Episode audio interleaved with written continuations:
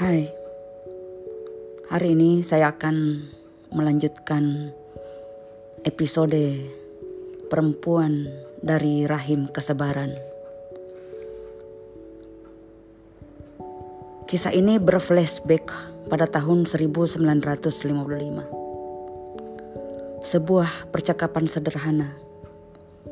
Aku tak pernah menyangka bahwa percakapan singkat itu akan membawa perubahan besar dalam hidup kami. Diucapkan saat Makassar sedang dibakar matahari pada tengah hari. Itulah kali pertama aku melihat ibuku disakiti dunia. Aku anak laki-laki yang beruntung. Setidaknya begitu menurut perasaanku. Sejak kecil hidupku berlumuran cinta. Aku memiliki dua orang tua yang sempurna saudara-saudara yang hangat, dan kami adalah keluarga bercek, berkecukupan di Makassar. Ayahku memiliki kantor empat lantai, dan bisnisnya membuat dirinya banyak mengenal orang penting di kota kami.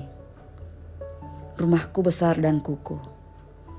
Hidupku kunilai sempurna sejak mataku baru melihat dunia. Oleh karenanya, Aku sangat jarang merasa gelisah, apalagi dirundung duka. Jika kesedihan datang, hawa kegembiraan dalam hidupku yang berlimpah ruah dengan segera akan membersihkan perasaanku. Aku nyaris tak pernah berduka. Tapi hari itu, aku merasakan sesuatu yang tak enak sesuatu yang seperti hadir sebagai pertanda ibuku perempuan paling tentram yang kukenal mendadak mengalirkan gelombang gelisah. Pertanda ia dikalahkan ketakutan yang entah apa. Ayahmu aneh belakangan ini Yusuf. Kau lihatlah gerak-geriknya. Ia menyisir rambutnya hampir setiap jam memakai krim rambut berulang-ulang hingga wanginya mencolok. Sering keluar rumah tanpa kopiah. Kata emak menarik tirai dari tenun sutra berwarna gading dengan corak garis putih yang sangat lembut. Aku melihat sesuatu yang tak terlihat. Ibuku gelisah dalam ketenangan yang kentar ia ciptakan susah payah. Yusuf, Apakah kau lihat perubahan itu? Kata makku. Aku masih tersecenung. Awal percakapan yang belum mengerti arahnya. Usai mengucap kalimat itu, ia terduduk di kursi tamu. Empasan tubuhnya jelas terdengar. Aku percaya, jika tak berkata-kata, perempuan akan menunjukkan amarah dengan bebunyian benda. Ibuku yang kupanggil emak menunjukkan itu dengan suara empasan lembut tubuhnya di jok kursi empuk. Aku tak pernah melihatnya emosi. Usiaku 14 tahun saat itu. Makassar sedang diguyur cahaya matahari yang membakar kulit. Sudah lebih dari sebulan tak turun hujan tapi aku melihat kilat yang lebih terik di mata emak. Selanjutnya aku lihat wajahnya membatu. Matanya lurus terhunus ke depan. Aku mengenal hati emak. Ia tak pernah membiarkan kulitnya membiaskan emosi sedikit pun. Apalagi matanya. Ia orang yang sangat halus. Aku beringsut Itulah kali pertama aku melihatnya sangat berbeda. Kali pertama aku melihat rona keberatan di wajahnya. Orang-orang bilang emak menghentikan ucapannya. Ah, barangkali ini hanya kegelisahan emak saja. Ibuku memandang tak jelas ke arah pintu. Ia tidak sedang memandang pintu. Pandangannya jauh menembus pikirannya sendiri. Kini aku yang gelisah. Jika benar masalah itu ada, aku pun ingin tahu. Jadi ada apa sebenarnya emak? Aku mulai khawatir. Kau tak melihat sesuatu yang aneh pada diri bapakmu, Yusuf?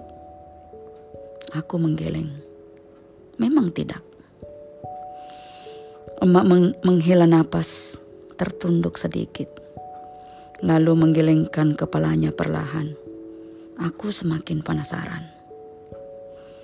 Inilah susahnya menghadapi kaum hawa. Kau tak akan mendapat jawaban ketika kau membutuhkan jawaban dan kau diajak berputar dalam perjalanan rumit ketika kau bahkan tak melihat sesuatu yang rumit. Aku bersabar menanti ucapan emak, emak berikutnya. Kupandangi lututku sendiri. Ada bekas luka jatuh. Aku mengenakan celana pendek usai main bola. Kaosku masih sedikit basah oleh keringat. Tadinya aku berhenti sebentar di ruang tamu hanya untuk mencicipi kue yang ada di meja. Tak kusangka kemudian ada percakapan misterius seperti ini. Jika bapak pergi lama lalu tak pulang, apakah kau takut? Emak kini menatapku. Ini semakin membuatku bingung. Ini semakin membuatku bingung. Aku harus menjawab apa? Jika sedikit perubahan bapak, Apakah itu sesuatu yang perlu dikhawatirkan, emak? Aku bereaksi sopan.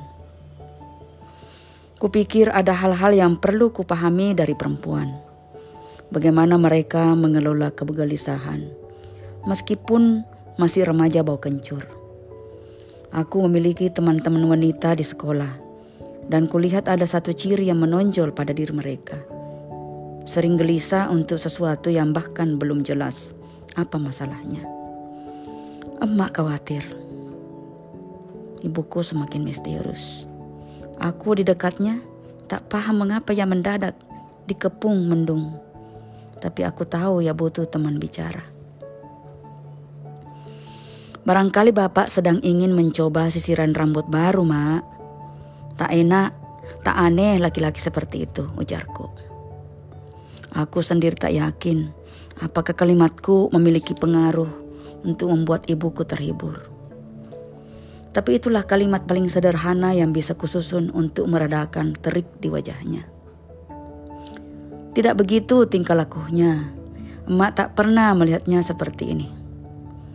Emak mengelus-ngelus sarung sutra warna hijau daun yang ia kenakan dengan diikat begitu saja, bersimpul di pinggang. Pakaian atasnya kebaya katun bermotif bunga berukuran kecil, berwarna kuning dan putih tulang. Saat itu usianya telah 30 tahun. Ia masih memancarkan kecantikan gadis. Usia kami terpaut hanya belasan tahun saja. Ia menikah muda. Aku berpikir keras, tak sedap melihat emak dengan wajah kencang seperti itu.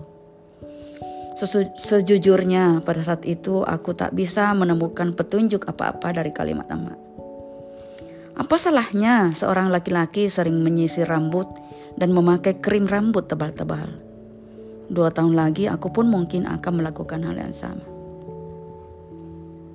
Emak, daripada pusing mendebak-nebak apa yang terjadi dengan bapak, mengapa tak kita selesaikan bertanam anggrek di belakang? Sudah kudapat pupuknya, mak. Kuletakkan di dekat pompa air. Akhirnya kuucapkan niatku yang memang hendak ku sampaikan kepadanya. Emak tak bicara. Beberapa detik kemudian wajahnya melembut. Ia melipat bibirnya sebentar, lalu membuang nafas dengan lenguh yang jelas. Kemudian menarik lagi, kemudian menarik lagi udara dengan dagu sedikit mendongak. Ia jelas menyimpan beban mencoba menyelesaikannya tanpa bicara. Emak selalu begitu. Yusuf, perasaan emak sangat tidak enak. Kau anak laki-laki tertua. Kau jaga adik-adikmu bila terjadi sesuatu. Emak berdiri. Kau sholat dulu, emak juga akan sholat. Nanti emak ke belakang. Ia kemudian menghilang. Ya, demikianlah episode kali ini. Selamat mendengarkan. Terima kasih.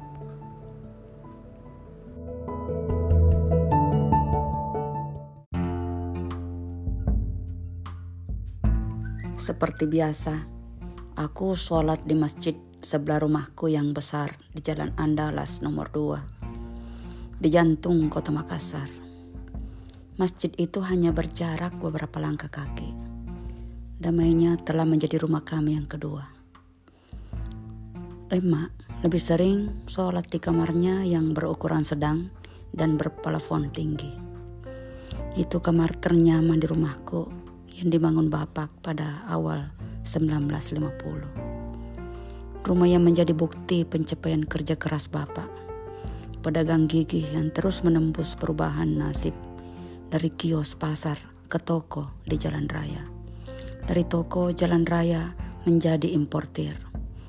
Bapak salah satu pemuda bone yang sukses di Makassar. Percakapanku dengan Emma siang itu adalah awal dari perjalanan bating yang tak pernah kuduga akan datang pada hidupku. Sebagai anak remaja tanggung, aku telah mencoba-coba untuk melihat peta masa depanku.